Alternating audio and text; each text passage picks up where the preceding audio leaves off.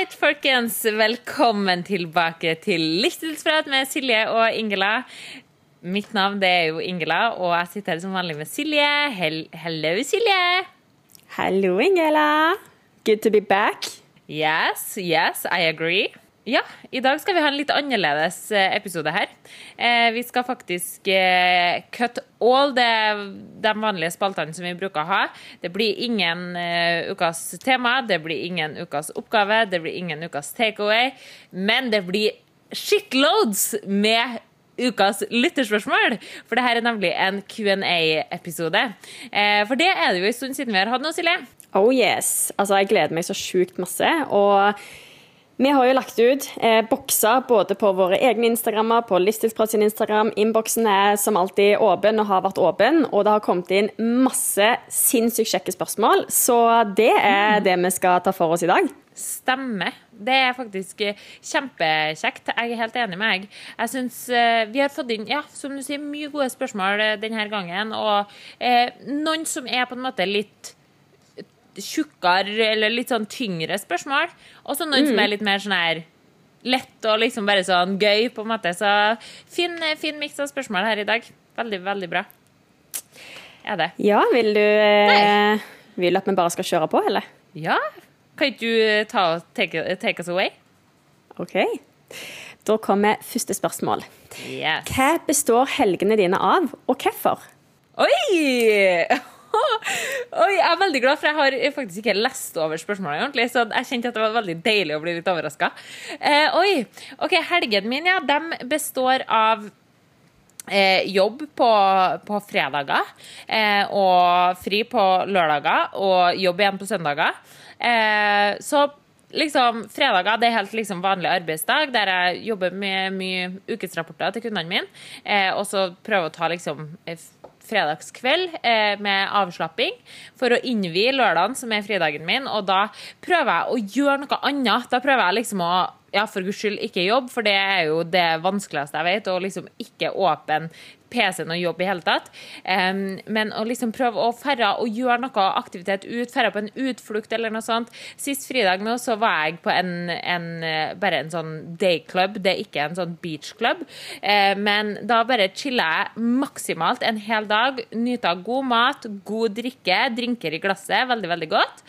Og så på søndagen igjen Det så, så, så magisk ut, jeg må bare si det. Fy ja, fader, jeg levde gjennom deg. Takk det var skikkelig deilig. Og takk for at du pusha meg på å si Ingela, når du lukker den PC-en nå på fredag, så skal den faen ikke åpnes en bit før søndag. Og det, takket være Silje, så klarte jeg faktisk å overholde det 1000% Og når jeg starta arbeidsdagen på søndagen, da, så følte jeg meg, jeg følte meg ny, jeg følte meg fresh, jeg følte meg at jeg hadde dritgod energi til å gi til kundene mine, som jeg da bruker på søndager, til å svare på teknikkvideoer som har kommet inn gjennom hele uka, i tillegg til å gjøre klart siste justeringer på planene for de nyoppstarta kundene som jeg har mandagen etter. Så det er egentlig helgen min. Um, little bit of both, men, eh, men lørdagen er virkelig en, en gulrot etter etter ei lang arbeidsuke. Eh, så hva med deg, Silje? Oh, vet ikke, Jeg, det, jeg blir så gira av å høre på dine helger. For du, ja. Eh, du, lever jo et litt annet liv der borte. Og bare Nei, bare hang på en beachclub og høres dritnice ut. Ja, um, sant. Mine helger Tidligere så var jo helgene eh, egentlig masse jobb for min del. for da hadde jeg såpass mye jobb i uken òg at eh, helgene var liksom veldig viktig i forhold til online-coachingen. At jeg fikk gjort ganske mye jobb der i helgene. Nå så er det tvert motsatt. Jeg er on a mission, så jeg har rett og slett eh, fri både lørdag og søndag. Har ofte en litt lengre arbeidsdag på fredagen, for da vil jeg gjerne liksom få unnagjort så mye som mulig. Sjekker gjerne liksom meldinger litt ut på dagen, sånn at jeg på en måte vet at er det noe som er liksom haster før helga, så får jeg på en måte sett det før jeg lukker PC-en. Um, og lørdag og søndag ja, hva pleier jeg å gjøre i helgene? Jeg er jo litt sånn grandma, kanskje, men jeg liker godt å bare slappe av, eh, sove, kose meg på trening, bruke litt lang tid på trening. Eh, liker å kunne gå ut i skogen, fiske. Eh, ja. Finne på Hva sa du? Fiskesilje. Ja, Fiskesilje. um, har spilt masse frisbeegolf i det siste. Egentlig bare liksom hatt fokus på å være ute og få frisk luft og bare liksom koble av. Mm. Bevege kroppen litt. Um, finne på noe med venner, kanskje dra ut og spise en middag. altså Sånne type ting. Så det er kanskje litt mer sånt jeg finner på i helgene. Ikke så mye liksom ja, jeg er ikke så veldig med på sånn party og sånne ting. Jeg var faktisk ute nå i helga, um, så det var jo var kult. Og så skal jeg jo faktisk på festival ja, neste helg. Så nå er det bare Silje going Ja. crazy. Eh, så, men for det meste Yes. så er det faktisk helger for meg er å bare hente meg inn, ligge på sofaen, kunne se en film, kunne lage god mat. Eh, Det er liksom ting jeg liker å gjøre i helgene. Ja, men, men vet du, de, siste Altså etter du var ferdig som PT og gikk 100% online nå, og at du liksom har begynt å manifestere skikkelig sånn helga fri, og du har vært helt rå Altså, du, du slo meg rett ut av støvlene mine over hvor overraska jeg ble over hvor godt du faktisk klarte å overholde det allerede. Når du sa den fredagen sånn OK, Ingla, det her er første helga det skjer, og det skjedde smerte Altså, det skjedde, det skjedde uten flås, liksom. Du, du klarte å gjennomføre. Du ble ikke frista til å åpne PC-en og jobbe litt bare fordi at du hadde et, en halvtime eller noe sånt der, så du har vært helt rå. Jeg er sinnssykt stolt over og imponert over deg. Eh, skikkelig, skikkelig fint, altså, Silje. Og så en annen ting jeg tenker på. Det, Ja, jeg skal bare si at jeg tror også at det har mye med hva jeg ble møtt med av mine kunder. For jeg sa jo at ok, hvis jeg skal kunne ta meg fri nå, så må jeg liksom passe på at jeg sender ut info om at sånn her blir det framover. Ting blir litt annerledes i forhold til når jeg på en måte hadde flere jobber og sånne ting. Eh, og jeg bare ble møtt med liksom så masse forståelse at herregud, selvfølgelig skal du ta deg helg, det går så bra, nyt helga di, og sånne ting. Og da får man liksom litt mer sånn OK, det går fint at jeg på en måte er litt mindre tilgjengelig et par dager. Det går helt fint, fordi at de vet at de kan få liksom mye mer og mye bedre når jeg da på en måte er på. Så det òg tror jeg gjorde liksom at det faktisk gikk bra, da. Ja, men, men det skjønner jeg, for det har jeg følt på med mine sjøl. At det er liksom Når de sier at det går bra, så har du på en måte fått den bekreftelsen du trenger på det du på en måte inni deg kjenner at ja, Men hallo, så vel kan jo jeg ta, ha fridager i løpet av uka, jeg, sånn som alle andre som jobber i alle andre vanlige jobber mm. Eh, men så glemmer man litt det, fordi at man på en måte Vi har jobben vår i seriøst på fingertuppene hele Yes. tida.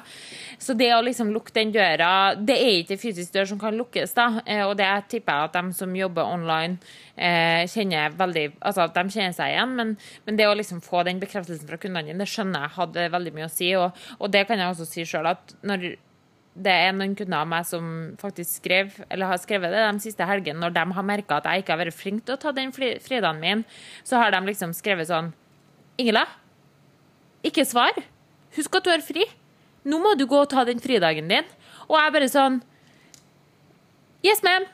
Så ble jeg sånn OK, tables tables are turned. Og så var jeg liksom Ja, det var ikke helga som var nå, men for, helga før der så var jeg faktisk to som skrev det på rad på en lørdag, da, der jeg satt og bare svare litt. Og da fikk jeg to beskjeder på rad. tenkte jeg. Så, men, men vi, jobber, vi jobber med denne frihetssaken. og for, for mange så kanskje det høres litt rart ut at herregud, er det så big deal, liksom. Ja, det er faktisk big deal. Um, men ja, du har imponert meg. Og, men en annen ting, du bruker tid med dem som Altså ikke bare venner, men du bruker tid med familie. Altså, du har jo vært Ja. Du har jo catcha opp så mye med familien din i det siste, liksom, og det er så fint å se at du bare sånn Ja, vi fant ut at vi skulle ut og gjøre det, og vi skal ut og gjøre det, og så bare sånn Ja, du er kanskje ikke party-Silje hver helg, men du har i hvert fall vært sosial, og det er jo kjempefint å se eh, at du på en måte kjenner at du får lada batteriene. Mm. Nei, jeg syns det er så fint. Så, så det er noe jeg skal fortsette med. Veldig. Og noe du skal fortsette med. Yes, that's right. Faktisk, ja, du, på, du, og, du og Silje Hjelm skal på eh, sånn festival eh, i helga. Det blir rått. Til og med jeg som begynner å bli Oh, hardstyle-påvirka yes. nå. Jeg begynner faen meg for Jeg får nesten meg Herregud! Altså, What the jeg gleder meg så sjukt. Vi skal til Bergen på Hardstyle-festival, og det blir helt rått. Så ja, jeg skal spamme Ja. deg sånn at du føler at du har vært der. Ja. Og neste gang så må du bli med. Ja, takk, kjære. Takk. Det betyr Men jeg kan også spenne deg, for jeg skal til nabobyen eh, på lørdag. Jeg sa til, jeg her, vet du, på lørdag Vi drar til, til den plassen, og så kommer vi dit. Vi skal stå der når dørene åpner klokka ti, og så skal vi være der faen meg til sola er langt på andre sida av verden. Eh, så og, og jeg bare sånn Jeg skal ha stor minimumsspend. Altså minimumsspend, det er sånn her på Bali, da. At man eh, liksom du må på en måte betale minst så og så mye for å få ha den senga eller den plassen, men du kan ta ut det i mat og drikke. Eh, så det er på en måte, I stedet for at du betaler på en måte en sum for å komme inn og få ei seng, så må du på en måte uansett bruke opp det senga koster, da, men du får mat og drikke for det. Så det, jeg bare skal ha en høy minimumsspenn, så at jeg er tvunget til å bli der hele dagen. Og det blir helt nydelig. Så vi kan spamme begge to, Oh, eh, og så får vi liksom del, da. Så kan jeg være i Bergen på hardstyle, og du Ja, kan ja, ja. være Ja, OK, nydelig. Fantastisk. Em, ja, det, det var et eh, langt svær på et lite spørsmål. Ja. Det, Yes. Vi prøver en gang til. Så spørsmål her. Eh, jeg lurer litt på hva slags utslag utskeielser i helgene har for en normal og sunn livsstil. Det vil si om målet ikke er vektnedgang. Sikkert mange andre som lurer på det samme, har personen her skrevet. Take it away, baby. Altså her Jeg føler jo at alle betegner på en måte utskeielse eh, forskjellig. Jeg vil jo si at det er forskjell på å eksempel kose seg på lørdagen, lage noe god mat, kanskje ha litt godis på bordet, om man har is til dessert, uansett sånne type ting. Og jeg tenker at det, det, det handler jo litt om dine tanker rundt det du gjør òg. Tenker du at i dag så skal vi kose oss med dessert, eller tenker du å fader, i dag har jeg skeia ut som bare det.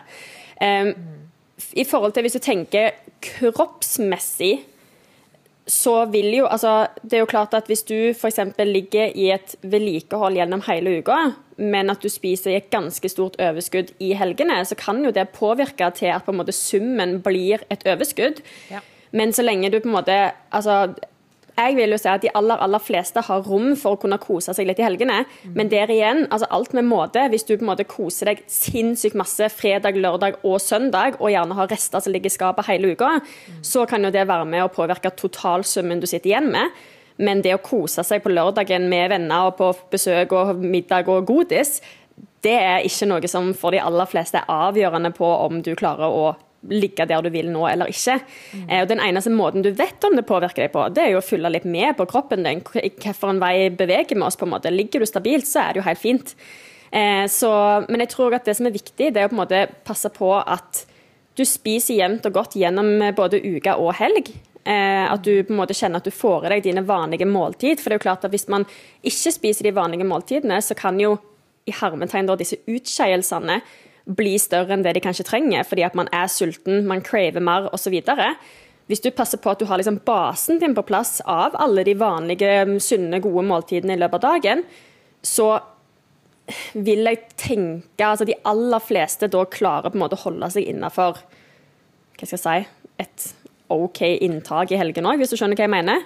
Forstår du hva jeg vil fram til? Ja, jeg forstår veldig godt. Og så har jeg et eh, innspill bare for at eh, jeg har spørsmålet foran meg, og det er ikke sikkert at du har. Og jeg er helt enig i det du sier, samtidig som at hvilke, spørsmålet, hva slags utslag har utskeielser i helgene for en normal og sunn livsstil? Og da tenker jeg at eh, da er det også det her med at det å eh, si ha litt utskeielse i helgen, da, er jo kanskje for mange en kjempeviktig faktor for å faktisk føle at man har en normal og sunn livsstil, og det er jo det her vi preacher. Yes. Så som du sier, at altså, om du tenker sånn OK, det er lørdag, jeg skal faen meg ha cheat day. Jeg skal stå opp ekstra tidlig for å utnytte at jeg har cheat day, og så skal jeg spise helt fram til klokka tolv samme kveld. Så hvis at du har på en måte 18 aktive timer der du binsjer, så er det noe helt annet enn det å, sånn som du sier, ha liksom den vanlige basen, men tenke at OK, det er helg, jeg har lyst til å kose meg litt ekstra. Så tenker jeg at den tilnærminga til det er kjempeviktig for å ha en normal og sunn livsstil. Men så klart, depending on hvem har du lyst til å være, hvilke mål har du, som du sier. Altså, om du legger, uansett hva, Hvis at du har et vedlikehold gjennom uka, da, og hvis at du spiser så mye i løpet av helga at det gjør at det blir et uh, større overskudd, eller et overskudd på 500 kalorier per dag, bare for å si noe, så kommer jo det faktisk til å utgjøre noe. Så det handler om å liksom finne den, både den psykiske, den fysiske og den sosiale balansen, kanskje, da, på dette her med mat og utskeielser og den sunne livsstilen. Um, så det er jo sånn Jeg, jeg syns at du hadde et dødsbra svar, og jeg tenker eh, det Altså, alt, ja, altså, alt med måte. fordi at vi kan på en måte ikke si heller at det ikke kommer til å ha noen påvirkning. Fordi at av ulik grad av intensitet på den utskeielsen kommer til å ha ulik grad av påvirkning på resultatet eller den norm normale og sunne livsstilen. i hermetegn.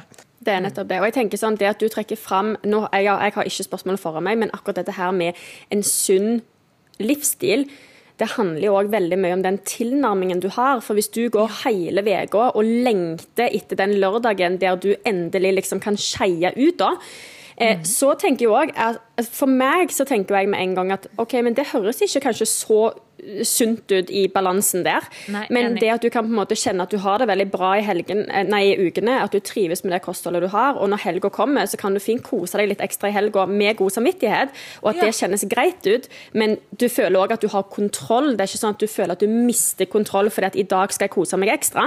Exactly. Der tror jeg på en måte at eh, på en måte nøkkelen ligger for veldig mange. da, at mm. Det viktigste er at du kjenner at du trives med det kostholdet du har, at du trives med det inntaket du har, og at du tenker at det på en måte, så lenge du opplever at du klarer å holde deg der som du ønsker å være, så tenker jeg at da har du ingenting å bekymre deg for.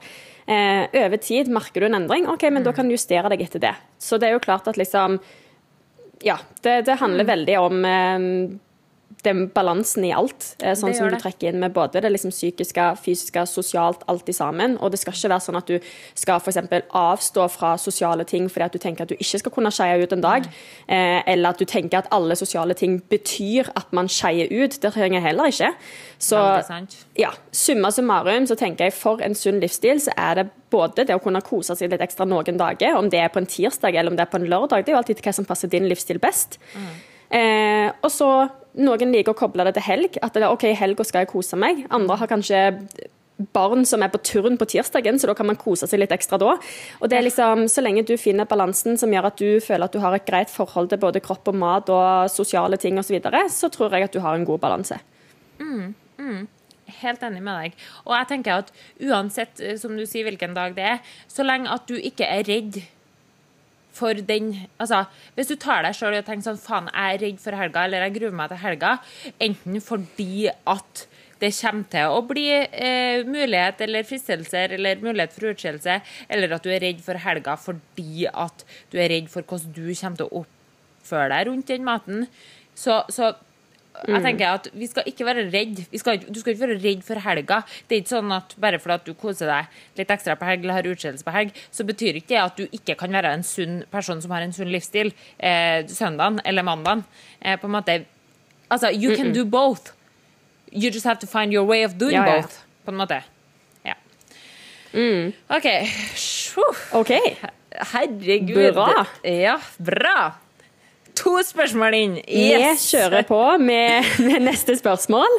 Yes. Ready? Shoot me. Yeah. Hva er din go to snacks? Uff! Snacks. Oi, oi, oi. Nå, eh, OK.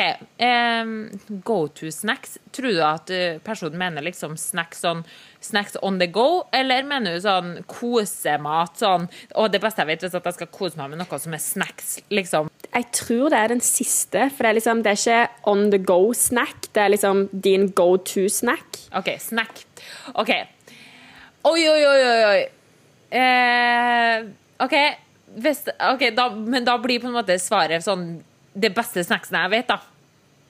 Det blir det jeg svarer på nå. Ja. Okay. Vi, vi, vi, tolker det sånn. Ja, ok. Så det beste snacksen eh, beste snacksen jeg vet, det er cookies. oh my god, ja. Og, og hvis, altså etter cookies Jeg blir helt rørt, altså, fordi at cookies er det beste jeg vet. Eh, sånn av å kose meg med. Eh, men hvis ikke det er det, så er det liksom Altså, sjokolade. Altså ting Sjokolade i seg sjøl er sykt, liksom. Mm. Men det er aldri sånn at jeg går på butikken og kjøper meg ei sjokoladeplate, hvis du skjønner. Men ting med sjokolade, love mm. you. Eh, også is. Is er min Det er kanskje Ja. Cookies er det beste jeg vet. Is er det jeg kjøper oftest. Isdronning. ja, ja, ja. Jeg, eh, jeg tror at mm. min, min go to, det er òg sjokolade. Altså, Det er jo ingen tvil om det, herregud. Um, men jeg kjøper heller ikke noe sånn her liksom, Jeg pleier aldri å kjøpe liksom 200 grams melkesjokoladeplater eller sånne ting, men jeg er en sucker Nei. for melkesjokolade som er liksom i smågodt. Eh, sjokoladefamilien, ja. risbrødsjokoladen, eh, melkepletter, altså alle de. Å oh, ja. ja Spragleknass, eller hva det heter. Det er seriøst Hvis det er noen ting som skal få meg til å go under, så er det det. Så, så det du, ja. Mm, jeg er helt enig, og jeg er veldig glad i smågodt, men det smågodtet Jeg vil jo ikke ha smågodt sånn gummidrit. Det vil jeg jo ikke ha. Nei, nei. Jeg vil jo ha sjokoladen oppi her. Det er jo det som er Ja. best. Det er det som er best. Så nei. Herregud, gøy. Eh, nei, Love Stat. Vi fikk eh, det vi, vi, liker, vi liker gode ting, altså. Vi liker snacks. Ja, og så har vi jo ganske lik smak på, på snacks òg, faktisk. Ja, jeg og du, ja. Ja. Så jeg syns som regel at det du liker er godt. Du er jo veldig på den cookiesen, og det, jeg visste ikke at jeg var så fan av cookies før vi kjøpte cookies og bare oh my god. Fordi at jeg er ikke så veldig kakemenneske, eksempel. Det pleier jeg aldri liksom spise. Men ja, eh, cookies Du hadde jo liksom Du var jo litt sånn Ja ja, det er Ja. sikkert godt, da. Men, så, men du fikk jo faktisk smak verdens beste cookies her på Bali. Så, um, så Ja, ja. Du, har, du har i hvert fall smakt den beste cookiesen som finnes. da Så det, du fikk et bra førsteforsøk på å legge det. Ait, ait, are you ready? Så um, Sender eh, Ja, her er en melding vi har fått på Livsstilsprat sin Instagram. Eh, klarer eh, ikke å lage spørsmålet kort nok, derfor sender jeg dere melding. skriver vedkommende. Eh, jeg har jo hørt at man bør treffe samme muskelgruppe to ganger i uka for best muskelvekst. Prikk, prikk. Hvorfor er da treningssplitten push-pull legs så populær? Da må man jo trene seks økter i uka for at den skal være effektiv, men mange bruker jo den på tre til fire økter i uka også. Eksempel push-pull eh, Nei, push legs, pull legs. Parentes. Dette er et veldig bra spørsmål. Oh, that's a feisty one. Veldig, veldig bra spørsmål. Creds til deg, eh, frøken. Og jeg tenker jo sånn med en gang Ja, jeg har jo tenkt det her samme så mange ganger. Hvorfor har denne splitten fått den hypen han har fått, når eh, vi vet at det kanskje Altså, det er kanskje ikke den beste splitten hvis du tenker på at du ønsker å treffe hver muskelgruppe to ganger i uka. Um, og for em, Jeg kan jo si at for de aller fleste kundene som jeg har som ønsker å trene tre ganger i uka, så ønsker ikke jeg å legge opp en push-pull-legg. Da legger jeg heller opp et fullkroppsprogram med ulike fokusområder. Eh, så det er nok eh, ganske mange som både ikke er klar over at de kanskje burde prøve å treffe hver muskelgruppe eh, to ganger i uka. For eh, at det skal være mest mulig optimalt. Og det er ikke det at det er feil å kjøre push-pull-legg. Noen kan trives kjempegodt med det, og det er viktig. Et viktig aspekt her òg er jo at man trives med den eh, splitten man har, og at det passer til måte, deg og det du har lyst til å gjøre. Men tenker du liksom optimalt sett, så har du helt riktig. Da er ikke det kanskje den beste splitten å gå for. Da hadde det kanskje heller vært mer gunstig å kjørt en fullkroppssplitt, eh, eller ja, noe sånt. Eh, men det kommer helt an på. Hvis du f.eks. kjører fire For hun sier jo at du kan kjøre tre ganger i uka, eller at du f.eks. har fire ganger i uka. Og da kan jo f.eks. en fin splitt på fire ganger i uka heller kanskje være overkropp, underkropp med ulike fokusområder, og så gange to hver uke. Um, men, men her igjen, der er liksom den, jeg tror Grunnen til at han har blitt så populær, akkurat denne splitten her, er jo pga. sosiale medier. Og det er noen som har preacha veldig høyt at this is the way to go. Eh, denne splitten her er liksom det, den beste av alle splitter. Og så har det spredt seg. Og så, tenker, og så er det veldig mange som på en måte bare tar det for god fisk. Tenker OK, vi kjører. Denne treningspersonen her, den har eh, akkurat de resultatene jeg har lyst til å ha. Den sier at de trener push-pull-legs, da gjør jeg det samme. Og så setter man seg kanskje ikke så mye mer inn i det. Og så handler det jo òg om hvilke øvelser du velger, hva slags mål du har. hva slags, altså, Det er veldig mange faktorer som spiller inn på hva som gjør en splitt bra. Det kan jo òg være sånn at du trener hver muskelgruppe to ganger i uka, men fortsatt kanskje ikke får de resultatene du kunne fått, fordi at du kanskje har kunne valgt andre øvelser, eller du ikke trener hardt nok, eller eh, du ikke har høyt nok volum. Altså, det er veldig mange ting som spiller inn, så det er ikke bare det at en splitt i seg sjøl er god eller dårlig. Nei. Det handler jo òg om hva du faktisk gjør når du er på trening. Ja, veldig enig. Og akkurat det du sa på slutten der, det, det skal jeg bare si enda litt mer om, for det var noe jeg satt og tenkte på mens du svarte. Og det at Først kan vi bare si hva en push-pull-legs-split er, da. Eh, Det er jo at en Altså, push, det er liksom press, ikke sant? Så ofte da på en, på en eh, push-pull-leg-split, så på push-dagen så har du gjerne pressøvelser, pressmuskulatur, bryst, triceps, skuldre ofte. Og så har du gjerne pull, som er dra-muskulatur. Gjerne en økt med eh, mye rygg og biceps, ting du altså, drar mot deg. sant? Og så har du legs, der det er underkropp. Og så er jo eh, denne splitten den er laga for å trene seks ganger i uka. Det har du jo også, som stiller spørsmålet, helt rett i. Som Silje sier her, problemet er at man bare ser å, push, pull, legs, det er bra. Og så, og så, glemmer man å tenke at OK, men jeg da som bare kan trene tre ganger i uka, er den da bra for meg? Og så, det, altså, en splitt funker sånn som splitten er lagt opp for. Det er også litt det samme som hvis du skulle ha trent seks dager i uka, og så ser du en person som trener tre ganger i uka og gjør full kropp, så hadde det skulle vært sånn OK, så OK, denne personen trener tre ganger, eller denne personen trener fullkropp og sier at det er bra. Og så er det tre treningsøkter. Mm. Og da kan en person som da skal trene seks ganger i uka, hadde kanskje ikke vært like gunstig å tatt da og kjørt seks fullkroppsøkter i løpet av ei uke, for så å starte på mandag med den samme fullkroppsøkta igjen. Mm. Så man må på en måte ikke ta, uh, ta det ut av den konteksten den er laga i, heller, da. Um, ja, det er kjempegodt poeng. Men uh, også det finnes jo også måter å legge opp push-pull-opplegg push på som involverer eh, ikke bare de muskelgruppene som er liksom press, altså skuldre, bryst og triceps, og så rygg og biceps, og så legs. For det er jo det som er på en måte kjerne-push-pull-legsen, men det finnes jo andre versjoner. Man kan jo ha pull- og push-øvelser på legs òg, som man implementerer i push- og pull-dagen sin. Så ender man faktisk opp å ha to fullkroppsøkter. Mm. Eh, så, så ja. Og jeg vet jo at veldig mange som vil tilpasse den splitten til fire dager òg, velger velger f.eks. å push, pull, legg, full kropp.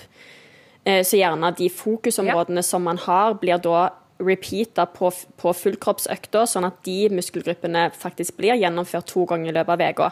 Eh, så det er, liksom, det er veldig mange måter å legge det fram på, men det er veldig mange som rett og slett bare ser at noen snakker om en splitt som kanskje passer bra for deg, utenom noe særlig liksom, mer info om hva de gjør på den splitten, eller hvor hardt de trener, eller hva målet er, eller hvor lenge de har trent, osv. Så, videre. så det er liksom det er mange mm. ting som kan bli liksom hypa opp i sosiale medier. Jeg tror det viktigste er å på en måte OK, jeg ser denne trenden her. Sett deg ned. Hva er det denne trenden går ut på? Er dette noe som passer meg eller ikke? Hva kan jeg eventuelt gjøre for å tilpasse det til meg og mine mål? Så ja, Mm, mm, enig. Men eh, ja, til deg som har stilt spørsmålet, det stemmer eh, at ja, gjerne aime for å treffe hver muskelgruppe to ganger i uka. Yes. Mm. All right. All right. Da kjører jeg på med neste spørsmål. Og dette er et bra spørsmål som eh, Her må vi prøve å begrense oss litt. OK. OK. Noted. Mm. Hvordan bli kvitt alt eller ingenting-tankegang? Oi, oi, oi. Kjempebra spørsmål. Det her har vi snakka mye om i tidligere episoder. Yes. Så til deg som har stilt spørsmålet Etter du har hørt vårt eh, korte, lille svar her, eh, så må du også gjerne høre eh, mindset-fokuserte episoder som vi har lenger ned fra i sommer, for der snakker vi mye om alt eller ingenting-tankegang. Men hvordan bli kvitt den? hvis jeg skal komme med mitt beste tips on top of my head, så er det faktisk å utfordre deg på å gjøre eh, noe som går ut av det alt-mønsteret ditt. Mm. Så hvis du opplever at du er et alt-menneske, at du er sånn du er all in or nothing, da, det er jo det det her handler om, så da utfordrer jeg deg, eller ø, anbefaler jeg å prøve å utfordre seg sjøl på å implementere noen ting som du sjøl anser som avvik fra det som er rett. Fordi for min del så var i hvert fall det den beste terapien for meg. Um, og, liksom gjøre det for å bare få se, bare for å få bekrefta ovenfor meg sjøl, at sjøl om jeg er strict 95% av tida, og at jeg da på denne lørdagskvelden bestiller meg 20 sushiruller med chili mayo, så går det helt fint. Jeg kan fortsatt våkne opp dagen etterpå, og jeg ser minst like bra ut som jeg våkna opp den, eh, den forrige dagen. Eh, jeg ser at kroppen ikke forandrer seg i hele tatt. Jeg ser at jeg blir ikke, jeg blir ikke noe dårligere form, eller jeg klarer ikke noe dårligere treningsprestasjoner selv om jeg gjør det. Men man også utfordrer seg da på at selv om jeg spiste den sushien i går, hvis det var det som var på en måte mitt avvik, at jeg liksom ser at OK, men jeg klarer å stå opp dagen etterpå og spise den samme frokosten som jeg bruker. Så liksom det å prøve å utfordre seg sjøl, for min del, det, er det beste tipset jeg har. Det var det som funka for meg. Eh, å bli kvitt den, det tror jeg også er et, et long shot eh, short term. Jeg tror at man eh, ikke skal tenke så mye på at 'Å, jeg må bli kvitt det'. men tenk heller OK, hvordan kan jeg jobbe med det? Ja, det er så Det er dødsbra. Og jeg tenker òg helt klart det du sier med liksom, typ, det å eksponere seg for de tingene som ofte gjerne trigger fram akkurat den her alt eller ingenting-tankegangen. Eh, men jeg tenker òg det å eh, øve på å ikke la et sånn en downfall, kan vi jo si da, eh, prege resten av dagen din, f.eks. Og det her har jo jeg sagt i en annen episode òg, at hvis du går med et serveringsfat med åtte glass på, det ene glasset faller ned i gulvet og knuser, kommer du da til å hive de resterende syv glassene i gulvet og knuse de òg, bare fordi at ett glass har knust? Nei. Så her òg, jeg tror det er kjempeviktig, å selv om kanskje ikke alt går etter planen hele tida, så prøv å tenke at alle tingene du gjør i løpet av en dag, er bitte, bitte små brikker. Og selv om den ene brikka kanskje ikke ble helt sånn som du ønsker, så betyr ikke det at ingen av de andre brikkene kan bli sånn som du ønsker. Eh, For det er en ting som jeg merker veldig godt med mange av kundene mine, mange som vi har snakket med gjennom livsstilsprat osv., det er jo det at man ofte har lyst til å få til noe, og så går man på en smell, og så gjør man noe som man ikke hadde liksom lagt inn i planen. Noe som man ser på som en utskeielse, eller noe man ser på som da at dette var ikke bra i forhold til mine mål. Og så lar man det prege resten av dagen, og så blir ett valg til ti dårlige valg, og så blir en dag til 15 dårlige dager. Og så blir liksom, det blir bare en sånn evig rullende karusell der man på en måte lar seg selv bli prega av den ene tingen som ikke gikk etter planen. Og det er jo ofte det som er en alt eller ingenting-tankegang. At går det dårlig på ett steg, så går alt dårlig. Og går det bra på ett steg, så skal alt være 100% perfekt. Og det å legge fra seg tanken om at du vil ha noe som er 100% perfekt, for det er, ikke, det er ikke det vi aimer for i det hele tatt. For aimer vi etter 100% perfekt, da legger vi opp for å feile. For det er, det er kjempevanskelig. Og det er ikke heller det som kan bli ansett som en sunn livsstil, eller eh, som på en måte gir deg den balansen i hverdagen som du vil ha. Eh, så jeg tror at det òg å jobbe med din tilnærming til de tingene som kanskje trigger deg litt inn på den der ingenting-tankegangen, og det å skru ned forventningene litt til seg sjøl òg, tror jeg er kjempeviktig for å på en måte klare å jobbe seg gjennom de tingene som oppstår. da. Det var kjempe, kjempebra, Silje. Kjempebra, altså. Så spot on. Eh, og der tenker jeg også at hvis at vi eh, Altså, ja, eh, den quoten som du hadde, det, den ble Den likte folk. Det kan jeg si, for det jeg har sett på tallene på reelsen på Instagram, og den reelen den gjorde det dritbra, for det ble så, så populært. Eh, og så har jeg jo den andre kvoten som vi har brukt på dette her, eh, det var em, på engelsk, eh, den da eh, Nei, den er ikke på engelsk. Jo, den er Don't break the law if you're breaking the law. Yes. Så bare fordi at du eh, Bare fordi at du spiser noe som du ikke skulle spise, eller at du ikke trener når du skulle trene, så trenger ikke det å gjøre til at OK, men siden jeg spiste det jeg ikke skulle spise, så kan jeg like så godt bare drite i å trene òg. Eller bare for at du ikke rakk den økta i dag, så kan du bare drite i å trene resten av uka. Så prøv å reflektere med deg sjøl etter et, eh, et valg som du mener var på en måte en, ja, et mislykka valg, da. Eller whatever, sånn som du sa. Og så reflekter. Snakk med deg sjøl, og være, være såpass brutalt ærlig med deg sjøl og si ja, men Silje, skal du nå kaste alle glassene i bakken? Er det det du har lyst til å gjøre? Har du, har du lyst til å må plukke opp alle glassene? Og da er det jo ingen som svarer ja, vet du. 52 plukker opp. Det syns jeg er kjempegøy. Nei, og jeg tror det er så viktig, for det er liksom en ting er på en Så- måte akkurat det der å, å klare å på en måte, sånn som du sier, fjerne en alt eller ingenting-tankegang, men jeg tror òg det å både eksponere seg for disse tingene som du nevnte, og òg jobbe med hvordan du faktisk håndterer situasjonene når de oppstår. Hvordan velger du at det skal påvirke valgene dine videre den dagen, den uka osv. Jeg tror at alle Gjør du på en måte det sammen, så tror jeg at du kan komme veldig veldig langt med det, samtidig som man selvfølgelig hele tida jobber med mindsettet, jobber med tankegangen rundt disse tingene. Eh, og jeg anbefaler virkelig å høre de tidligere episodene, sånn som du sa.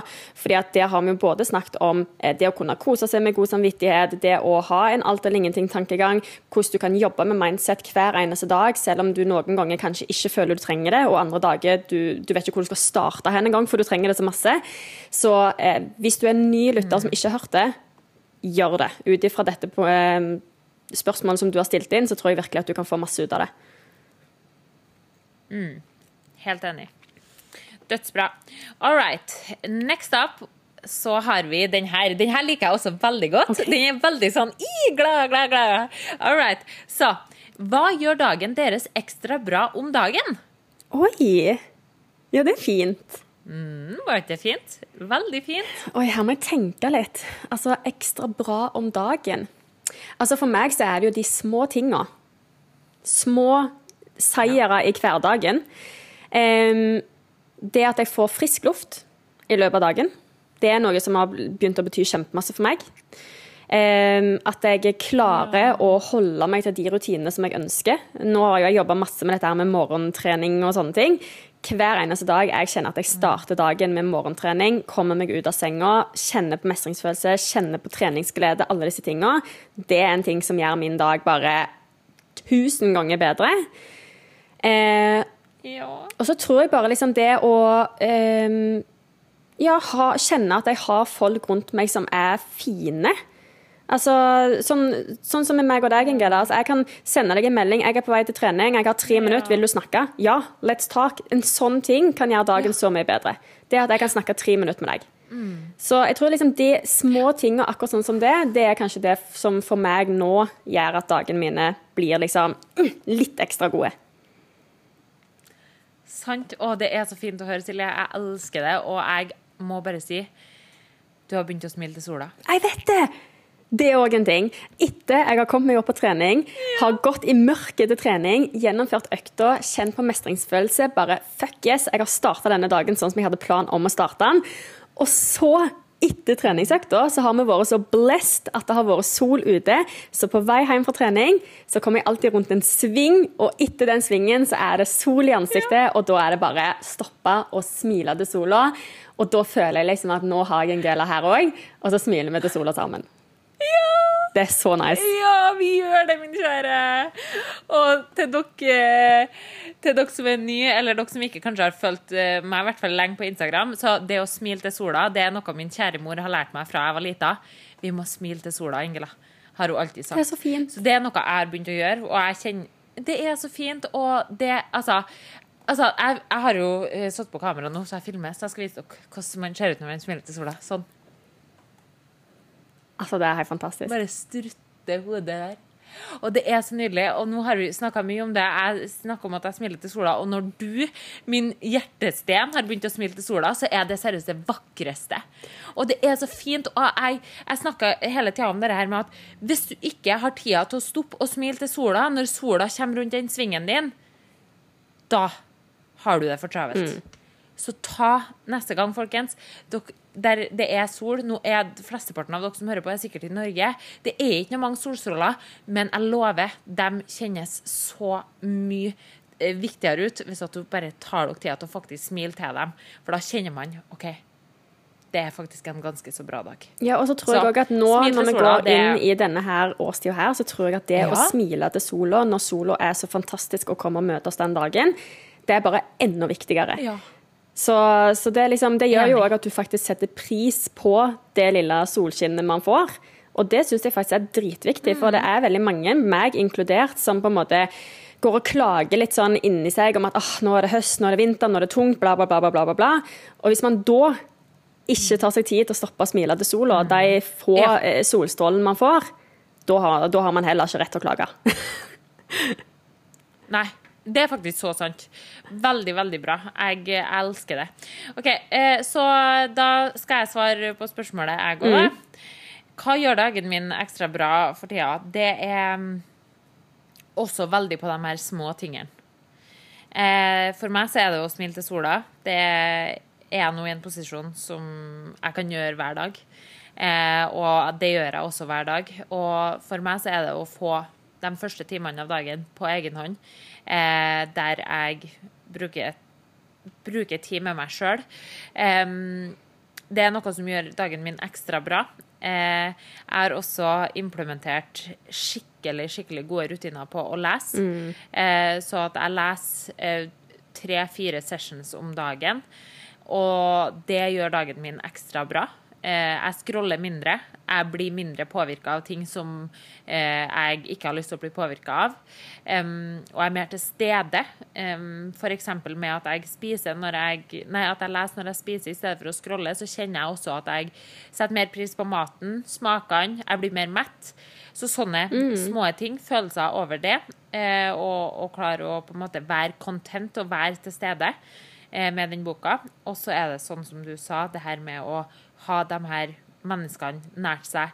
Om man, om man bare, sånn som vi snakker i tre minutter, liksom OK, du er på tur til trening, og så får vi snakka. Og det er ikke alltid at vi snakker i, i en kontekst engang. Det er bare sånn Vi bare sier hei, vi bare sier fine ting. Vi bare, Altså, vi bare tar de bitte små eh, liksom check-upsen på hverandre. Det kjenner jeg jeg setter ekstra stor pris på nå når jeg er alene på Bali. Fordi hvis at jeg ikke på en måte har de der inputsen av folk som jeg elsker, em, så kan det jo plutselig hende at jeg opplever at jeg er ensom, men det gjør ikke jeg. Og det er takket være dere. Eh, så ja, det eh, tror jeg blir mitt svar. Mm. Å, fint. Veldig fint. Ja. Ok. Yes, you go, girl. Da har vi et spørsmål her.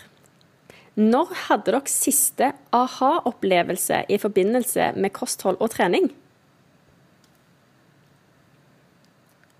Oi, når jeg hadde sist aha-opplevelse um, Da må jeg ta den nyeste aha-opplevelsen min. Det er eh, Nå har jeg blitt kjent med ei jente her. Kjempe, kjempesøt jente her eh, på Bali. Og jeg, hun snakka om det i går. Faen, det føles som vi har kjentes hele livet, liksom. Eh, hun er ei superflink eh, Altså, hun er, trener også mye. Hun, også, hun har også personlig trenerutdanning. Hun tok den for sin egen del for eh, et par år siden. Eh, men eh, hun har hengt seg på øktene mine nå eh, i det siste. Eller siste eh, ja, eh, fire øktene jeg har hatt, da. Så har hun vært helt eller delvis med på dem. Og da hadde jeg en aha-opplevelse på en måte sammen med hun her, da. For jeg, jeg er veldig fokusert på det her med tempo. Eh, har brukt utrolig mange år på trening med å rushe repetisjoner, med å ikke på en måte ta seg tida til å holde kontraksjon, eh, det å ikke ta seg tida til å holde hele utstrekken, eh, og det å ta seg tida til å senke vekten. Det er ikke bare at du skal, det er ikke bare at du skal løfte vekten opp, men at du skal ha tida til å senke dem òg. Det er også en del av repetisjonen. Um, og det å på en måte, Hun sa til meg før vi starta den første økta, så sa hun sånn, vet du hva, Ingela, du skal få lov til å være eh, PT så mye eller så lite du vil, det er helt opp til deg, men jeg er i hvert fall veldig åpen for det hvis at du har lyst. Og jeg var litt sånn OK, jeg kommer til å droppe inn til henne der jeg anser det som, som hensiktsmessig. Og det jeg ser, eh, var at på en måte overall i det arbeidet hun gjør, så har hun, har hun litt travelt med arbeidet hun gjør øvelsene sine. Og det tok ca. en halv session før hun på en måte forsto mine cues, så bare jeg kom gående mot henne på et visst sett, eh, eller på en viss måte, så endra hun måten hun gjorde eh, repetisjonene sine på. For hun skjønte hva det var jeg var ute etter. Hun skjønte hva jeg var kom til å si. Så i dag hadde vi vår fjerde økt, tror jeg, sammen. Og jeg har faen aldri trent så bra som hun gjorde i dag. Fordi at hun har liksom unlocka en ny verden, da. Etter å ha fått noen sånne perks, eller eh, pirking, av meg. Og det vi øvde på på de første øvelsene på den første økta, når det her på en måte var helt nytt for henne, der hun liksom spør OK, hva mener du, liksom, så hun brukte god tid på å forklare og sånn. Og i dag så gjorde hun det på eget inch, og liksom bare Jeg bare ser at hun som egentlig er jævlig flink til å trene, også hadde noe å hente ut av å trene med en ny person, få litt andre innfallsvinkler og forstå hvorfor. Og det var bare sånn Det gitt meg en skikkelig aha-opplevelse. Mm. Fordi at for meg så er det her Det her er det jeg gjør hver dag nå. Eh, Så for meg så har det på en måte blitt Sånn, sånn er det. Men det å liksom se hvordan en annen person har trent, og liksom man kan lære bort, og se hvor mye det gir henne, da, som liksom får sånn Wow! Ah, OK. Og så har vi snakka litt om det, og så sa jeg sånn Så du sjøl hva du gjorde der? Når jeg kom gående mot deg, og så sa, sånn, sa hun sånn Vet du, jeg har skjønt akkurat hva du skulle si, så derfor så implementerte jeg det her og det her og det her. Og da kjente jeg at repetisjonene ble mye bedre. Så det var en skikkelig, skikkelig fin opplevelse, altså. Fy søren, det er dødsbra. Og akkurat det der med tempo er jo noe som jeg er ganske sikker på at altså, Hvis det er én ting jeg kommenterer aller mest på når det kommer til teknikkvideoer på kunder, så er det jo tempo. Eh, det er liksom Helt siden jeg starta som undercoach, coach, så er det det som har vært greia. Og egentlig helt siden jeg starta som PT, så er det det som har vært greia. Eh, så det er liksom tempo, det er virkelig noe som jeg tror det, det er så viktig, men samtidig så er det en sånn ting som, man, som er så lett å glemme. Og jeg tar jo meg sjøl ennå i at jeg filmer ofte for min egen del når jeg har spesielt tempo i øvelser. Og så ser jeg på filmen, og så er det bare sånn der Ja, her skal jeg bruke fire sekunder ned. Og så ser jeg på videoen, og så er det sånn En, to, tre, fire. Og så sa han Hva fader holder jeg på med her? Og så gjør jeg er justeringer til neste sett. Og da er liksom sånn, Du blir ganske humble i øvelsen Mm. òg. For da skjønner du at det handler ikke bare om å løfte mest mulig vekter eller bevege vektene liksom fortest Mm. mulig. og sånne ting. Det er ikke det det handler om. Det handler om å kontrollere. Og da må man av og til liksom faktisk eh, la det gå på bekostning av eh, belastningen man klarer å ha på. For det er klart at Man klarer som regel å løfte ganske mye lavere belastning skal du løfte i et tempo med eh, fire sekunder eksentrisk, to sekunder i bånn f.eks., enn du klarer i et ganske så kjapt tempo der egentlig hele fokuset er på å løfte selve vekta. Så, så jeg tror det, det er kjempeviktig. Veldig sant. Og det er så bra at du på en måte tok litt på deg det liksom, på de egen treningsøkt òg. At du kunne liksom hjelpe henne litt og vise, og at dere kan lære av hverandre. Det er jo kjempeviktig. Veldig. Og, og det må jeg også si. Eh, jeg, jeg føler at altså Vi som har trent mye og har trent med mange, mange forskjellige teknikker og liksom altså alt man har gjort i løpet av alle de her årene på treningssenteret, så er man også veldig åpen for teknikk. Mm. eh, teknikk, tilbakemeldinger og liksom konstruktiv kritikk og liksom spørsmål og sånn. Og det er jo sånn man utvikler seg. Altså eh, de kundene som er flinkest på å sende teknikkvideoer og, og tar til seg tilbakemeldingene, er jo også de som får mest progresjon på trening. Men de som på en måte syns at det er ubehagelig å sende Ja, det kan være ubehagelig å filme, men den praten har vi allerede tatt. Bla, bla, bla. Men så er det kanskje at det er ubehagelig å filme fordi at det at jeg skal på en måte sende en video til deg, der jeg på en måte eh, blottlegger meg sjøl litt og på en måte legger meg åpen for å bli eh, konstruktivt kritisert, da, så er man på en måte litt sånn hvis man ikke er klar for det, hvis man ikke er klar for å ta imot de tilbakemeldingene fordi at man er redd for å få voksenkjeft, så kommer man heller ikke til å ha den utviklinga som man potensielt kunne hatt hvis man har vært åpen for å få konstruktiv kritikk. Dere kommer jo aldri, eller Kundene våre kommer jo aldri til å få kjeft. Nei. Vi gjør det jo bare for at vi har lyst til å hjelpe. Men så ser man jo hvor utrolig stor effekt det har til dem som sender inn. ok, Og så får de tilbakemelding. Og så neste uke så filmer vi samme øvelsen på nytt. Og det er repetitivt. Og jeg har også hatt liksom du kan få liksom samme øvelse av samme kunde, og at tempo kanskje er at det, at det går igjen mange uker på rad. Men det blir jo også bedre og bedre for hver gang, og plutselig så sitter det. Ja, ja, ja. Det er verdt Så det. ja, nei, det, men ja. Nå ble det tempoprat. Hva er din største, nei, siste aha-opplevelse for trening og kosthold? Åh, det er vanskelig. Jeg føler liksom at for meg så har det på en måte skjedd ganske mye på treningsfronten. Både liksom i forhold til dette her med treningsglede, at det er liksom noe du må dyrke litt fram sjøl òg. Du kan ikke bare ta liksom for gitt at du alltid skal kjenne på, på glede og motivasjon og alt dette her, og det har vi snakket masse om i tidligere episoder. Eh, og så er det én ting faktisk eh, som jeg har gjort på mine egne treninger. Eh, fordi at nå har jo jeg eh, fokus på muskelvekst. Eh, og som kanskje en del av dere har fått med dere, så har jo jeg hatt en litt sånn kranglete rygg tidligere. Og en ting som jeg har begynt å gjøre eh, på treninger altså Tidligere så har jeg brukt belte, altså løftebelte, typisk når jeg hadde liksom markløft, knebøy, av og til på en beinpress eller en, en bulgarsk splittbøy eller sånne type ting, der jeg virkelig kjenner liksom at buktrykk det spiller ganske stor rolle for hvordan jeg klarer å stabilisere gjennom øvelsen.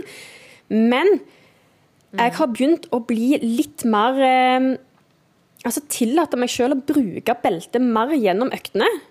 Eh, fordi at jeg merker at ikke bare gjør det at jeg klarer på en måte å ta ut krafta der som jeg ønsker, men at jeg ikke har så mye bekymringer rundt rygg når jeg jobber, fordi det blir veldig mye tydeligere når du presser mot i magen, mot et belte, så blir det mye mer tydelig den krafta du faktisk klarer å produsere i buk buken din òg, enn at du på en måte ikke presser mot et belte. Så for jeg merker for min del så gjør det en veldig stor forskjell.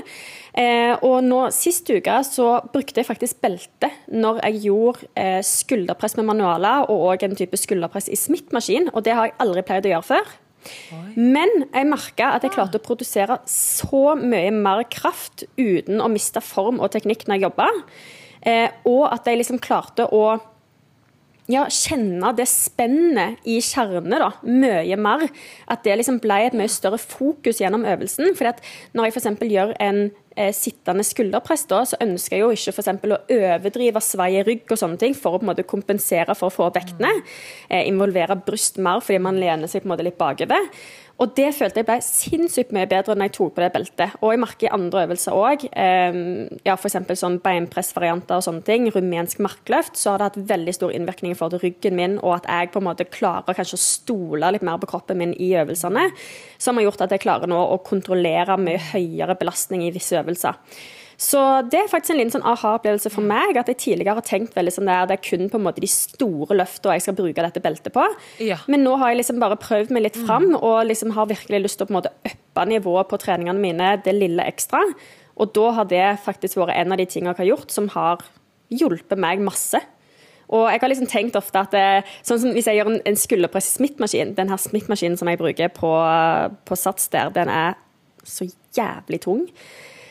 At det bare er helt voldsomt slitsomt. Og jeg har liksom tenkt sånn, å, men det ser jo litt teit ut om jeg har på meg belte og så har jeg liksom 2,5 kilo på hver side på stanga. Ikke fader, liksom. Men hva har det å si? Det er tungt. For Ja, meg ja. er det tungt. Ja, det og hvis det da hjelper meg å kunne utføre øvelsen bedre, med et bedre spenn, med bedre teknikk, med bedre tempo, med be alt er bedre, med et belte på, hvorfor fader skal jeg ikke ha belte på?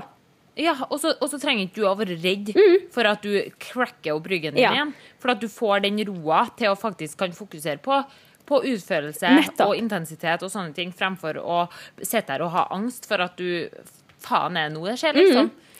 Eh, faen, det var, men det var et veldig bra aha-opplevelse. Ja. Det skjønner jeg også at det var en aha-opplevelse. da Ja, det var litt Mm. det. For at jeg liksom, Sist uke var første gang jeg brukte belte på en liksom skulderpressøvelse. Og jeg bare OK, det her gjorde jo liksom the biggest difference ever. Og jeg kjente bare liksom at OK, nå unlocka jeg noe. For nå kjente jeg bare at jeg, jeg klarte liksom virkelig fokusere på det jeg holdt på med, uten å liksom ja, tenke på dette med ryggen og liksom føle at kanskje belastningen er liksom altså, Nei, bare, det, det var bare et eller annet som bare mm, OK, dette kommer jeg til å gjøre neste uke òg. OK, nice! Take notes, people. Yes. Nice. OK. Kult. Eh, din tur, da. Min, nei, jeg stilte sitt spørsmål. Eh, nei, eller Nei, det er mitt, ja. Mhm. All right. Har dere noen spennende mål i høst? Uh, det her har vi snakket litt om i en egen episode òg. Eh, våre Ja, mål for eh, høsten. Men jeg tenker vi kan ta en litt sånn kjapp eh, recap her. Eh, Ja. så mitt mål det er å pakke på meg så mye muskler som jeg klarer i løpet av denne høsten og vinteren. Eh, så jeg eh, spiser mer mat. Jeg jobber meg sakte, men sikkert opp mot liksom overskudd og ja, vil ligge jeg, jeg, jeg er ikke på liksom en all time bulk. Det er ikke noe sånn der eh, at jeg går helt crazy. Eh, jeg vil fortsatt ha fokus på liksom god og sunn og næringsrik mat. Jeg spiser basically det samme som jeg gjorde før, bare i liksom litt større mengder. Eh, og det er ikke sånn at jeg liksom eh, går ifra 0 til 100 real quick. Men eh, mer mat, fullt fokus på å bygge så mye muskler som jeg klarer. Jeg har noen fokusområder eh, når det kommer til liksom, muskulatur jeg har ekstra mye fokus på på treningen min. Eh, og trives veldig godt med det. Ja. Så det er liksom, Ja. jeg tenker jo at det, det var vel retta inn mot trening, eller var det andre mål òg? Nå tolker jeg det bare automatisk som at det er treningsmål. Ja, men jeg kan stille spørsmålet en gang til. Eh, har dere noen spennende mål i høst? Eh, så nei, det, altså, det står jo ikke noe om at det er treningsmål, men du svarte nå hva som var målet ditt. Ja, det- har, men det er jo andre, andre- dele. Det er jo kanskje andre mål òg. Altså, I forhold til jobb så er det jo litt mål, for Ja. meg iallfall. Um, jeg har jo nå Ja. gjennomført liksom første del av målet, som var egentlig å gå 100% online. Eh, og derifra så har jeg jo noen mål jeg har satt for meg sjøl i forbindelse med både liksom eh, hvor mange kunder jeg ønsker å ha og hjelpe, eh, hvordan jeg har lyst til at min coaching skal være, eh, hvordan jeg på en måte vil legge opp min arbeidshverdag. Jeg har veldig mange sånn små mål på akkurat den fronten der for meg sjøl. Har et mål om å bestille en reise. Det er òg et mål. En reise Oi, som oi, eh, oi. er planlagt til å skje i vinter. Um, Ja. ja, jeg tror det er kanskje de målene som jeg liksom kommer på on the top of my head. Mm. OK, kult. Ja, som du sa, så har vi jo snakka litt om sånn treningsmål og sånt. Jeg um, har jo egentlig eh, litt av de samme Altså, jeg har også fortsatt fokus på muskelvekst, eller mål om å bygge bra med masse. Men jeg har også lyst til å prøve å få til et lite kaloriunderskudd uten at eh, si nei til sosiale ting som er viktig for meg her i mitt liv på Bali. Så det å prøve å på en måte i hvert fall ikke, ikke gå opp noe i fettmasse, men, men eh, kanskje redusere fettmasse litt, samt fortsatt å bygge muskler, også litt sånn fokusområder. Eh, jeg har faktisk også eh, begynt Jeg vet ikke om jeg har sagt dette her. Jo, men jeg har jo også en coach nå som skal hjelpe meg eh, med de her målene, sånn muskelvekstmålene Det så mine. Så det syns jeg er veldig spennende. Ja, det er så spennende.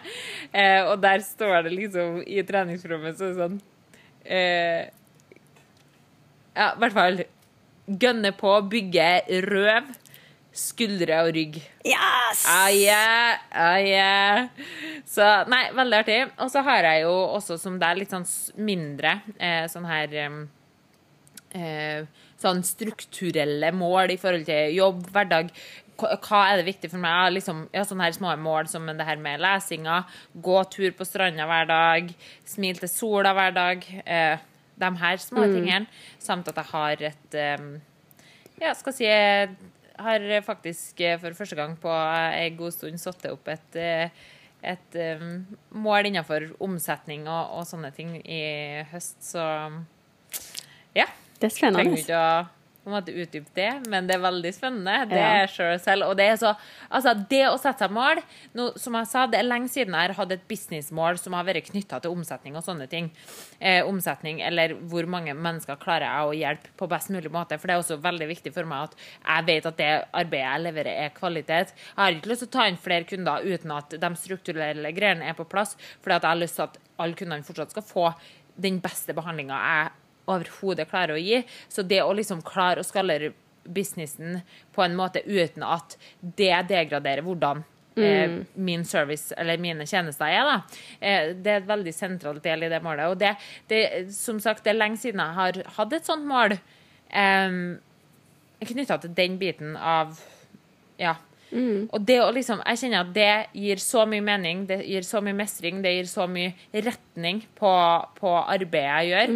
Så etter jeg kom til Bali nå, så har, jeg, har det liksom vært en viktig del for meg å ha i hverdagen min. Altså jobb, jobb bedre og jobbe mer, mer da, mm. med bedre kvalitet. Så det er veldig spennende og gir veldig mye mening. Og, altså mening som i at det gir meg mening å stå opp da, om morgenen. Så det er veldig, veldig artig. Og jeg tror også at Vi har jo snakket ganske mye om dette. Um, og liksom når vi har snakket om disse Ja, målene og, og hjulpet hverandre liksom sånn, OK, hva tenker vi?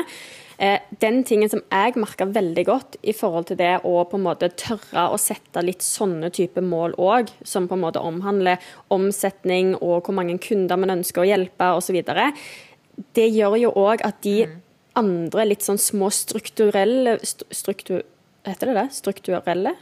Strukturelle. ja, målene gir litt mer mening. For det er jo klart at hvis jeg ser på liksom den mengden med mennesker som jeg hjelper nå Hvis det på noen som helst tidspunkt skal være sånn at jeg f.eks. skal jobbe, hjelpe dobbelt så mange, så krever det ganske mye av det arbeidet som jeg legger inn. At jeg jobber på en effektiv måte, at jeg har en god struktur i min arbeidshverdag, at jeg har en god struktur ut til mine kunder. At kundene har god struktur i forhold til hva de forventer av på en måte coachingen, og hva jeg som coach forventer av dem. Altså, det er veldig mange sånne ting, og jeg tror at det å på en måte ha litt mål som på en måte trykke litt fram andre mål og viktigheten av dem. For det er klart at du kan ikke, Ja. du kan ikke øke din eh, business du kan ikke hjelpe masse flere mennesker hvis ikke du har den strukturen på plass. Og uten den strukturen på plass, så vil du heller aldri kunne nå det andre målet. Så det er liksom, alt henger jo sammen her, og jeg tror at det, det er gjør òg at man blir mer motivert på alle fronter med å kunne sette sånne typer mål. Men det er faktisk veldig sant. Det er jo sånn man, med, Ja, du kan si at du har et mål om å ta 150 kg i knebøy, men du kan ikke ha det som det eneste målet ditt. Du må Først må du klare 50 kg, Ja, ja. og så må du klare 55. Og så, altså, det må være, eh, det må være eh, progresjonsbaserte mål, og det kan ikke bare være the final destination. Og det tror jeg mange har mye å hente ut på. da. Fordi altså, ha, kjem, Hvis vi får en kunde som kommer til oss og sier hei, jeg har et mål om å gå ned 20 kg, så kan ikke man bare fokusere på de 20 kiloene. Man må fokusere på alle de små og store seirene på veien. Det kommer ikke bare til å være kiloer, det kommer til å også være hvordan føles buksa di ut på jobb. Det er en del av det store målet om å gå ned 20 kilo. Det at du kjenner at nei, vet du hva, i dag etter matpausen så trengte ikke jeg å åpne knappen fordi at jeg har gjort en jobb. Fordi at jeg skal gå ned 20 kilo. Men altså, alle de her små delmålene, kjempeviktig. All right. Eh, vi chatter, ass. Eh, kjør meg et spørsmål, da. Ok, Jeg lurer på om dette kanskje blir eh, siste spørsmål for denne episoden her. Du, det tror jeg du har helt rett i. Ja. OK. Da skal jeg kjøre på med et eh, siste spørsmål her. Favorittmat? Ingela sin er vel langtidskokt havregrøt. Eller favoritt-treat? Så hun vil både at vi skal si vår favorittmat, hun regna kanskje med at det var havregrøt for din del, og en favoritt-treat. Og det har vi jo vi har allerede nevnt litt dette med favoritt-treat, så jeg tenker vi kan ta favorittmat eh, nå i første omgang. Oi, oi, oi. Jeg, altså, altså, det verste er at jeg faktisk, som jeg sa, jeg har, jeg har ikke sett hvem det er som har stilt det spørsmålet, så jeg lurer på hvem det er. Jeg må sjekke etterpå. Ja. Ok. Å, herregud, jeg regner med at Ingela sin langtidskokt havregrøt. Men vet du hva, du som har stilt dere her, eh, det skal, du, du får ti poeng i boka. Ja. Fordi det er faktisk Altså, er det én ting jeg kunne ha spist, you know it, every day of the week, every meal of the day, så er det langtidskokt havregrøt. Altså, det er så godt! Og langtidskokt det betyr bare at man må følge oppskrifta eller beskrivelsen som ligger i eh, episoden som heter 'Frokosthemmeligheten'. Ja. Der forklarer jeg hemmeligheten bak Ingelas havregrøt. Og, og altså, no, it's been a thing. Altså, hot thing. Det ligger også beskrivelse på toppen av min Instagram-profil um, på hvordan man lager den perfekte havregrøten. Så det er jo veldig, veldig sant. Spot on. Uh, I går kveld så hadde jeg faktisk spart havregrøten min til siste måltid. Og jeg, altså Jeg satt ute på verandaen her, kosa meg, las bok, hadde ordna proteinsaus. Jeg så det. Hadde med saltpose. Ja, så hadde med meg saltposen ut og bare satt og kosa meg. Og det, vet du, havregrøt Jeg kunne ha spist den havregrøten. jeg. Frokost, lunsj og middag. ja. Ja, vet du, jeg elsker det. Så sånn, sånn hverdagsmat, så er det ti poeng i boka til deg som har stilt spørsmålet. Og så det beste jeg vet, eh, sånn matmessig sånn Hvis jeg skal kose meg med noe god mat som ikke på en måte er hverdagsmat, så er det sushi. Jeg, jeg har kommet til konklusjonen, Silje. Ja, ja. Det er sushi. Ja, men det, det tror jeg jeg har merka i løpet av de siste ukene òg, at det, det er sushi. Ja. Ja. Ja, stemmer det. Du vet jo hva jeg sa. Jeg sa sånn Jeg tror kanskje at jeg skal kjøpe meg sushi, og du bare liksom Kjøp deg sushi, for faen. Å, fy Så, ja, kjøp den der sushien og kos deg. Ah, mm. Ja, Lei- altså lei.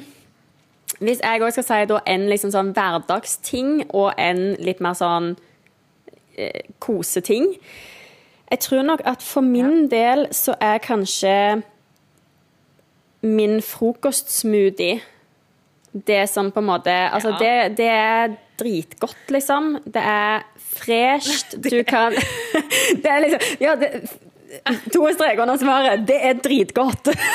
ja.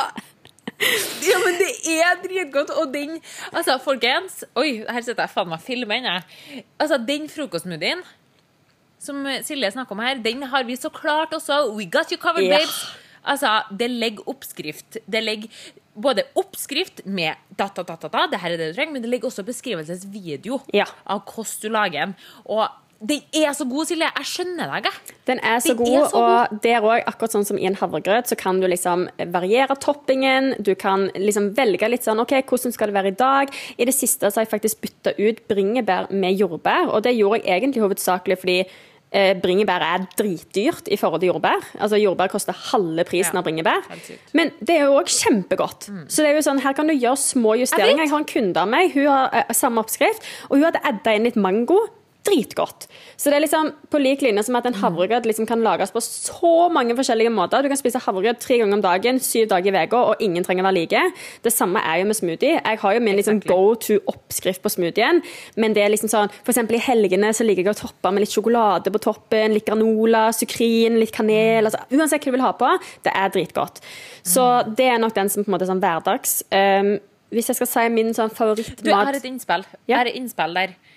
Fordi det er jo du som har lært meg den her smoothiebollen, og alle smoothieoppskriftene som ligger på min Instagram, har den som baseline. Ja.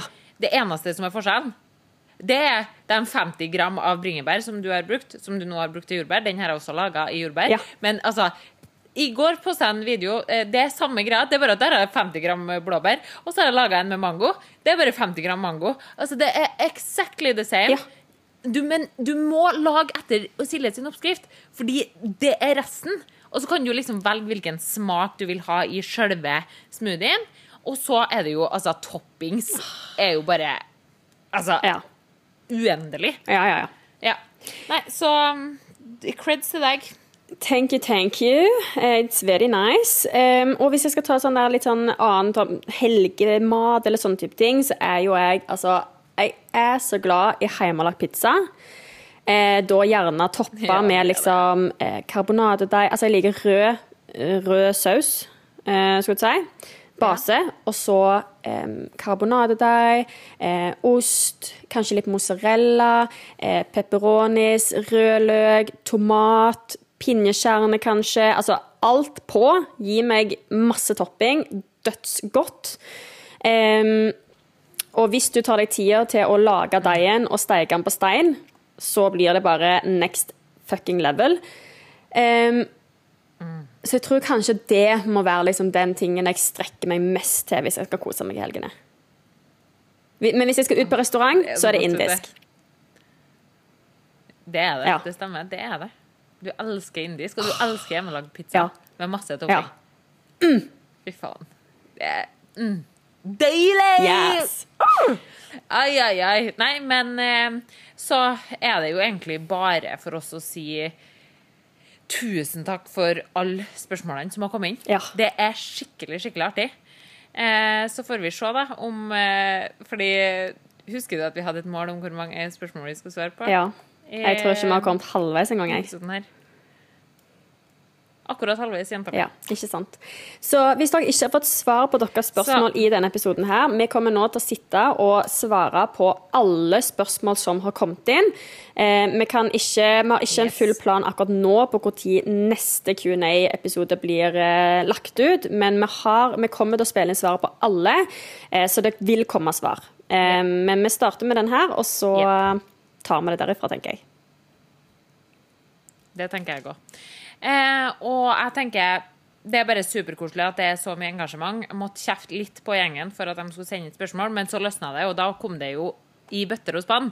Så det er jo ingenting som er bedre enn at eh, faktisk folk har lyst til å stille oss spørsmål, og at det at dere viser tillit da, til at vi får lov til å Altså, Det er mange spørsmål her som er ganske personlige, og vi har ikke kommet til så mange av dem ennå, men, men det at dere faktisk viser den tilliten og stoler på oss at OK, jeg kan sende de her jentene spørsmål, det setter vi så klart utrolig stor pris på. Og til dere som følger oss på Instagram, liker, kommenterer, sender melding, altså tusen, tusen takk, folkens.